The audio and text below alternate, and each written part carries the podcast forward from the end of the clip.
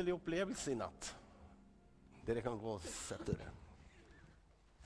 Og det var ikke noe feberfantasi. Jeg hadde nok feber òg. Men jeg hadde en underlig opplevelse av at Gud talte til meg på så underlig måte.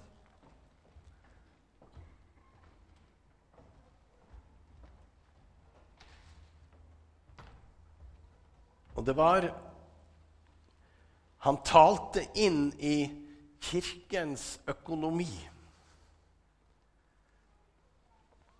Jeg skal ikke tale om det, men jeg vil bare fortelle mens det ligger i min ånd så sterkt. Og Gud talte til meg og sa at jeg ønsker å bryte en fattigdomstenkning som både er for Kirken og også er for, den, for individet. Gud er mye større enn det dere holder på med. Det var ordet jeg fikk. Gud ønsker å frigjøre oss for en tenkning som sier at vi er så begrenset. Vi kan ikke få mer til, for vi blir så begrenset. Denne frykt ligger ikke bare i Kirken, men den ligger også hos den enkelte. Og jeg ønsker å komme tilbake til det. Og jeg ønsker å på en måte være med og be for mennesker når jeg annonserer denne, eh, denne headingen. For mange av oss går med en sånn tanke at hele tiden at pengene når ikke til. Og så blir det på en måte en slags frykttanke som du bærer med deg hele tiden. Og jeg opplevde at, at Gud sa til meg det er denne frykttanken du skal frigjøre dem fra. For når vi tar frykten bort, så får Gud komme til i mye større grad. Det skal du bare ta med. Det er noe, det er noe av det, ikke av det samme, men det berører oss eh, på samme måten som jeg skal tale her i eh, formiddag om. Jo, vi må jo en begrenset tid. Vi skal være ute av, av uh, lokalene her klokka ett. Så skal det være rigget ned og hele pakka.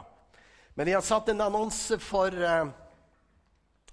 portalen min som heter Se, hvor de elsker hverandre. Uh, jeg er sikker på at du har hørt denne setningen før. Og du har kanskje hatt noen tanker om det. Det skal vi komme tilbake til. Men uh, en annen setning har du hørt, som jeg skal si som så. Etter hvert utviklet det seg en kultur i vår bedrift som ikke var god. I dagens næringsliv så brukes det mye tid for å skape gode kulturer. Og som skal være til det beste for den individ, individet, personen som jobber der, men også for hele bedriften. Og jeg føler at Gud har lagt noe på mitt hjerte for at vi i enda større grad skal arbeide med den kulturen vi snakker om her. Det som jeg syns er så fint, det er at jeg kan gå inn i denne tanken med dere og så oppleve samtidig at vi har det godt iblant oss. Jeg føler meg jeg tar ikke dette fram for jeg, jeg er redd for noe, eller fordi eh, at det er noe som, som, eh, som jeg ikke liker. Eller, det er faktisk Jeg opplever Gud sier til meg det kommer mange mennesker. Gjør dere i stand til å ta imot dem. Og lær hverandre hvordan vi skal møte både fremmede, møte de som er her eh, fra før, og hvordan vi skal omgås dem. Eh, mange nye mennesker kommer til kirken vår. Og hør de trenger din og min oppmerksomhet. Du og jeg, vi må hilse på nye mennesker. Du må snakke med dem. Du må be dem hjem. Du må be dem ut. Eh, vi har en eh, Jarle Johansen, kan ikke du reise deg? Vi har startet noe som vi kaller et eh, kontaktteam. Han er leder for det, og det blir flere.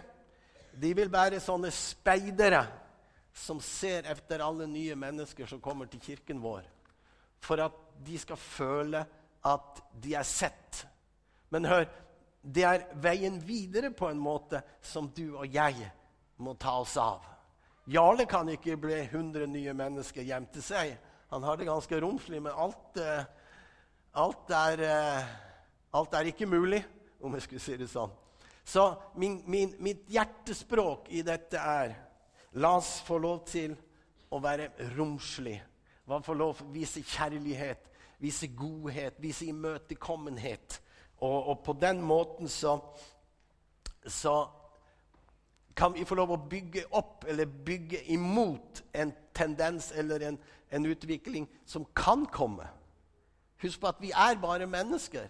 Vi er bare eh, mennesker laget av kjøtt og blod som fort blir påvirket av en omstendighet eller noe vi ikke liker, eller noe som blir sagt, eller noe som, som ikke skulle vært sagt, osv. Og, og så kan det tenkes at vi begynner å reagere litt. Og Da er det viktig at vi tenker nå må jeg gå den riktige vei med det som eventuelt skjer, og det som eventuelt irriterer meg, osv. osv. Men du skal merke deg at Paulus hvis du leser Bibelen din og går gjennom brevene, så skal du se hvor utrolig mye tid Paulus bruker for at den første menighet skulle komme i orden. Går du til Romerbrevet, går du til Korinterbrevet, til Efeserne, Galaterne osv. Så, videre, så nesten mest, eller mye av det han skriver, har med kultur å gjøre. Han sier 'Jeg hører', sier han, 'at det er sånn og sånn'. Eller 'Jeg formaner dere til å gjøre eller ikke gjøre'. Og Han henviser faktisk til personer, og han bruker en ganske stort, eh, eh stor tid på å gi gode råd inn som skal gjøre at den første kirke og den første menighet, og når folket kommer, at skal, de skal bli godt tatt imot, og vi skal finne gode løsninger. Og dette er det som jeg også har i mitt hjerte. For vi har det så fantastisk sammen. Men hør, vi ønsker jo at det skal komme tusen nye og ha det fantastisk sammen med oss. Ikke sant? Og det er en tenkning som vi må gjøre, at hvis vi ikke klarer om å være imøtekommende og vennlig med de første ti eller de første 20, så blir det bare et problem videre. Vi må få det inn i ryggmargen, vi må få det inn i hjertet vårt. At vi elsker alle mennesker som kommer. Og hør, frykt ikke for dem. De er bare vanlige mennesker som du og jeg var når vi kom hit første gangen, osv. Og det er noe som jeg ønsker å, å, å ta fram. Ta en sånn sak som Paulus skriver i dette med at Paulus fulgte med kulturen. Der skriver han i 1. Korinterbrev 1 og vers 10.: Jeg formaner dere, søsken, ved den Herre Jesu Kristi navn, at dere må være enige. La det ikke være splittelse blant dere, men stå sammen i syn og i tanke. Her ser du en sånn, en, en, et ønske fra Paulus, og han kaster det bare ut. Han lager ikke et lovverk ut av det. Han sier, 'Prøv bare å finne gode veier i sammen'. Og det er dette som er min tanke. Den første menighetskultur den var egentlig enorm. Og Vi skal lese fra apostelgjerningene eh, det 32. Det er det fjerde kapittel, og så leser vi fra vers 32. Og når du hører her, så kan du bli jeg håper så Du kan nesten bli skremt hvor, uh, hvor ett de var. Jeg må nå presisere at i dag så har vi sosialsystemene uh, våre. Vi betaler, du og jeg, vi betaler inn skatt for å hjelpe de som er syke. og de som er, Så vi må takke Gud for hele vårt, uh, vårt samfunn som er bygd opp. Men hør her hvordan de tenkte. Det står i eh, apostelgjerningene 4, vers 32. Hele flokken av de troende var av ett et sjel, et hjerte og en sjel. Heller ikke var det noen som sa at noe av det han eide, var hans eget, men de hadde alt felles. Og med stor kraft avla apostlene vitnesbyrd om den Herre Jesu oppstandelse, og stor nåde var over dem alle. Det var heller ikke noen blant dem som led mangel, for alle som eide jordeiendommer eller hus, begynte å selge og komme med betalingen for det de hadde solgt, og la dem ved apostlenes føtter, og delte ut til enhver eftersom det var behov. Og vi kan ta der også Og Joses, som av apostlene også kalles eh, Barnabas, som oversatt betyr oppmuntringens sønn, en levitt født på Kypros, hadde en jordeiendom. Han solgte den, han kom med pengene og la dem ned ved apostlenes føtter. Jeg leser bare dette for at vi skal tenke hvor, hvor dypt inn i hjertemargen og hvor inn i ryggmargen og inn i hjertet de elsket å gjøre noe for hverandre. De solgte jo eiendommene sine osv. Det, det, det kan jo være et spørsmål jeg skal ikke komme inn på det, men sånn, det kan jo være et spørsmål om det var riktig. For vi vet at seinere så, så, var det en innsamling til Jerusalem, for de hadde litt lite penger i menigheten der som Paulus uh, organiserte. Men det kan jo ha andre grunner. Poenget mitt er at jo mer vi elsker vår neste, jo mer vi elsker vår bror og vår søster, jo bedre ønsker vi at de skal ha det, og, og ha det godt. Det er grunnholdningen i en gjenfødt kristen. Jeg skal dele hvis noen andre har det vondt, og så skal Herren lede oss i dette. Eh, i, denne, I denne setting så tenker vi ikke bare på penger, og det blir min neste. Men Gud ønsker at vi skal kunne hjelpe og være, gi noe og osv. osv. Men det at, at mennesket blir sett i en setting, i en menighet, i et nettverk, i en organisasjon, det er utrolig viktig. Noe av det som jeg tror er vanskeligst, det er at personer kommer til en kirke eh, eller en organisasjon, og vi ser dem ikke. Det kan være at de er kanskje litt grann, eh, De er ikke de som er mest på hugget bestandig. Litt sjenert. Og jeg kaller dem liksom for hjørnedama eller hjørnegutten eller mannen. De som ikke søker oppmerksomhet. Jeg mener at de fleste av oss som er veldig på dette og eh, skape kontakt og, og være liksom i sentrum Du og jeg vi skal speide efter de personene til enhver tid og si 'Kom, bli med inn i samtalen nå.' Vi kan gjerne sitte med et langt bord, og så er det én og to personer som snakker hele tiden, og så er det noen i løpet av hele den eh, settingen vi var i, som ikke fikk si, sagt et eneste ord. Og dette kjenner jeg noen gang i hjertet mitt. At det er ikke sånn det skal være. Vi skal vise romslighet for alle mennesker omkring oss. Og også våre nye landsmenn. De skal føle at de har samme rettigheter. De har samme muligheter til å, til å, å eh, kommunisere. Derfor er vi veldig på at lær språket, så, skal, så får du enda eh, lettere for å, eh, å kommunisere. Men en, hjertet mitt i, ligger det, i, i, i dette ligger i hjertet mitt at vi må være et folk som elsker hverandre, og som jeg vil komme inn over nyttår. Jesus sier at det er, så, det er jo ikke så vanskelig å elske dine venner. Men det er noen som vet hva Jesus sier videre da?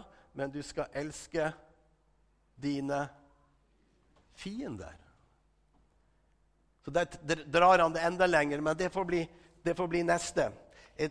Johannes 13 og vers 34 vil du si at Jesus var utrolig opptatt med relasjonsbygging opp mot kjærlighetens lov.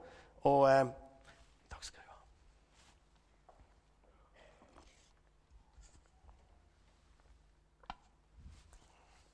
Jesus var veldig opptatt med å bygge relasjoner ut ifra kjærlighetens lov, for han var jo kjærlighetens opphav.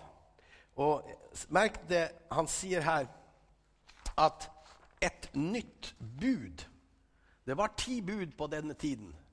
Men han sa et nytt bud gir jeg dere. At dere skal En gang til. At dere skal Ja. Som jeg har elsket dere. Altså, Jesus setter inn en ny dimensjon. Og så står det noe interessant videre der. Videre, så står det Ved dette skal alle forstå at dere Dere er mine disipler. Altså ved å elske hverandre. På en annen plass står det Og ved dette skal verden tro. Altså, det ligger en det ligger en kobling, det ligger en link imellom det å være en, en kirke hvor folk elsker hverandre og viser hverandre godhet osv., og, og så en, eh, å se fremgangen og veksten i forsamlingen. Det ligger en link. Eh, Paulus han tar dette opp. Jeg, nå har jeg ja.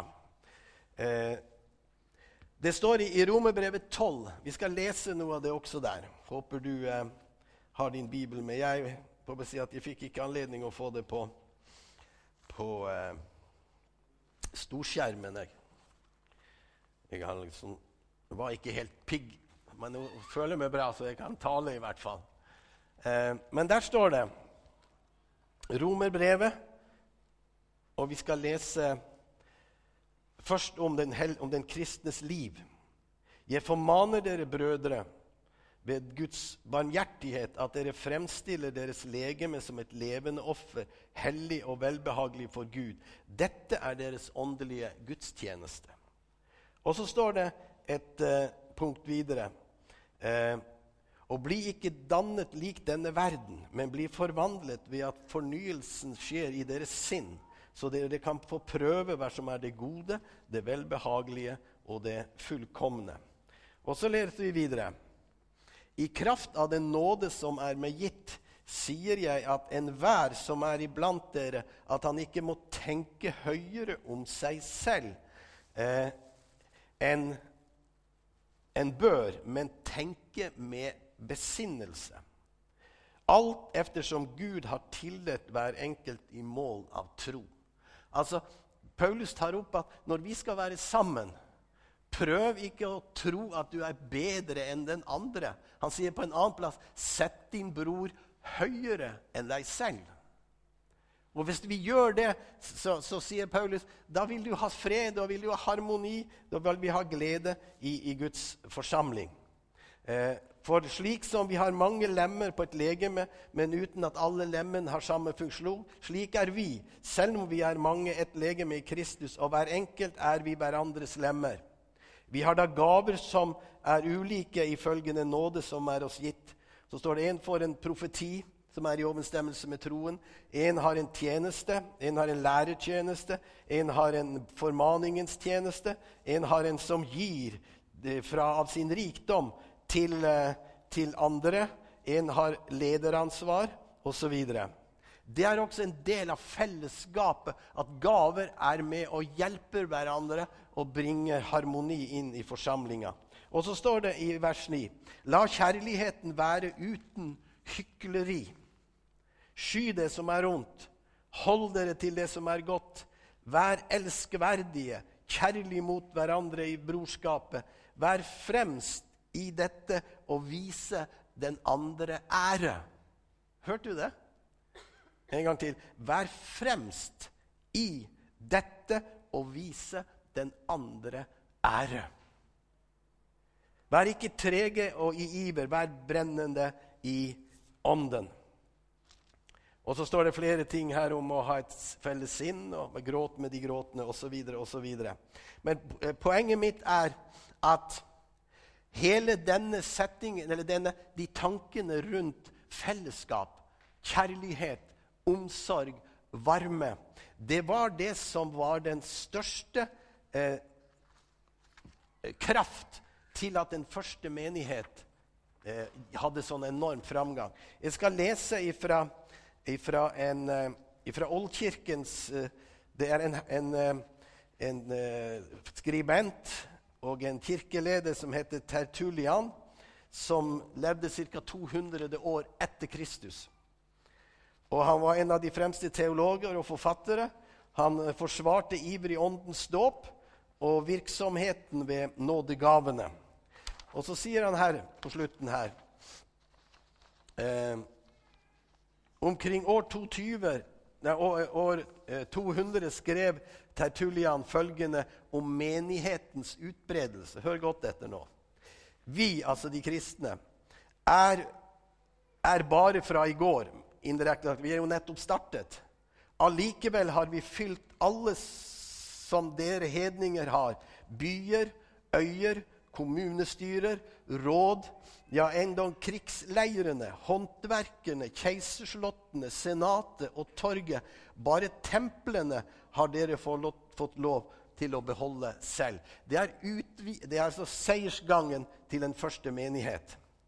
Og så står det martyrenes blod er kirkens sæd. Døende, sier vi, i denne stund vi blir korsfestet, går vi bort som seierherrer. Og så står det en annen årsak til framgangen for de kristne var deres innbyrdes kjærlighet. Og så hører du Og hedningene sa om de kristne Se hvor de elsker hverandre. Det står ikke i Bibelen noen steder et 'se hvor de elsker hverandre', men det var Eh, eh, det var denne mannen Tertulius som, som, sa det. Og så skal jeg lese på slutten her. Omkring år 2050 etter Kristus var det ca. 2 millioner kristne i Romerriket. Eller ca. 3% av befolkningen. 50 år senere, omkring år 300, regner man med at rundt 15% av befolkningen var kristne. Bare få tiår senere var nærmere halvparten av befolkningen kristne. Da hadde menigheten nådd en fantastisk utbredelse til England i nord, Spania i vest, Etiopia i syd og India i øst. Og det står her, og En av hovedårsakene til den enorme fremgangen var Se hvor de elsker hverandre. Og Det er budskapet mitt til dere her i, eh, i formiddag. Det er på en måte slik at evangeliet om Jesus, evangeliet eh, rundt mannen fra Nasaret, det er egentlig bare kjærlighet alt snakkes om. Jeg har skrevet noen eh, tankebær til dere. Pastorens ønske for PK det er at i utgangspunkt så skal vi være som en brev som er kjent og lest av alle mennesker. Vi skal ikke holde noe skjult. Vårt liv skal være å være i lyset, slik at menneskene kan se vår ferd og oppleve og eh, vil ha tak i Jesus. PK skal, ha, skal alle oppleve en individuell frihet, men også forstå sitt kollektive ansvar. PK skal være en menighet for alle generasjoner, men med et ungdommelig og tidsaktuelt preg, slik at vi alltid fanger opp neste generasjoner. PK skal være en flerkulturell kirke, og Jesus skal verden se at vi er ett. PK skal gjenkjennes av Guds kraft og Guds nærvær. Pastorens ønske for deg som individ det er at du må ha noe å leve for. Og du må ha noen å dele fellesskap med, og ikke bli alene. Ordspråket 27, 17 står det som jern slipes mot jern. Slik slipes mannens væremåte av en venn. Og du må ha noe å leve etter. Jeremia, Jesaja 26 vers 3.: Den som har et grunnfestet sinn, han lar du alltid ha fred. Punkt 5. At du må finne din tjeneste og få mulighet til å leve den ut. Og å erfare Guds kraft, så du har noe å leve av og dele med. Så dette er bønn ifra pastoren himself. Jeg vil bare si litt til slutt her om dette å bli sett.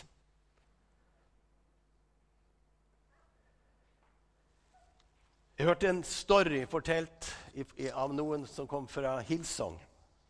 Og Det var en story som er en sann historie. Det bodde en ung mann på en hybel i Sydney. Hver morgen sto han opp, spiste, gikk ned til eh, byen. Og så vandret han over gangfeltene, altså sebrastripene, i byen. Han gikk der i dager, han gikk der i måneder, han gikk der i år. Og så Til slutt så tok sosialetaten tak i han og spør hvorfor går du her hele tiden. Sier han følgende Jeg føler at det er noen som ser meg og tar hensyn til meg. Så han hadde faktisk gleden av å få lov å trykke på en knapp og se at bilene stoppet og tok hensyn til ham og at han så han når han gikk over gaten. Og Mitt budskap i formiddag det må aldri være noen i vår kirke som ikke vi fanger opp med Guds kjærlighet. Kjærligheten er kraften til fremgang. Kjærligheten er kraften både til menighetens fremgang, men også kraften til den individuelle forandring og fremgang der hvor ting har låst seg, der hvor ting har uh, blitt hårdt, osv., osv. Så, så prøv å finne deg en venn. Prøv å finne deg en Jonathan. Er det noen som forstår hva jeg sier når jeg sier 'prøv å finne deg en Jonathan'? La få lov en hånd opp her. bare, ja. Yes. Jonathan i Bibelen han var sønn til kong konge Saul. Og David var egentlig i utgangspunktet en eh, motstander av eller Han var ikke en motstander, men, men, David ble Sauls motstander, for folket ville gjøre han til konge. Og Da er det at denne Jonathan, som er sønnen, til kongen, han gjør en avtale med David og sier, 'Jeg skal aldri svikte deg.' 'Jeg skal stå med deg overalt hvor du er.' Heller ikke om min far skulle ville noe som går imot deg, så vil jeg stå ved deg. Og det er Jeg må bare si Kan du skaffe deg en slik venn, så har du skutt gulloddet. Husk at denne vennen han skal ikke være slik at han skal føye deg hele tiden. Eller at han skal være enig med deg hele, hele tiden. Men du skal vite at han står med deg. Og Jeg tror at vi kan få lov å lære noen ganger at vennskap er ikke å være en, Vennskap har ikke bare med, med, med, en, med enhet å gjøre. Nei, med enighet å gjøre men det har med enhet å gjøre. Altfor mange mennesker sier ja, hvis jeg har en venn, så, så må han være enig med meg alltid. En, en Jonathan det er han som går unnskyld uttrykket, som går rett opp i strupen på deg og spør hva er det du holder på med. Jeg er din venn, og så gjør du slike ting. Så videre. Det er en sann venn. Eller sier jeg er uenig med deg, men jeg er din venn. Det er vennskap på høyere plan. Og jeg ber til Gud at den talen som jeg har eh, hatt her i formiddag, skal berøre oss. Jeg syns det er en for, fantastisk forsamling, fantastisk menighet å betjene. Jeg elsker denne forsamling. Jeg elsker alle menneskene som er i denne forsamling. Jeg vet ikke hvor mange tusener av mennesker jeg har hilst på opp igjennom alle de årene. Tusener på tusener på tusener av klemmer jeg har gitt til forsamlingen her. Av nye og gamle og de som er i graven og osv. Det har med å elske hverandre. Og denne loven ønsker jeg skal feste seg i ditt sinn, for det er en guddommelig lov som Jesus sa til sine disipler hele tiden. Han podet dem inn i kjærlighetens fullkomne lov. Og så sier han at å, som jeg sa, å elske dine venner, det er jo ikke det største. Det er på tid å begynne å elske dine fiender også. Amen. Ja,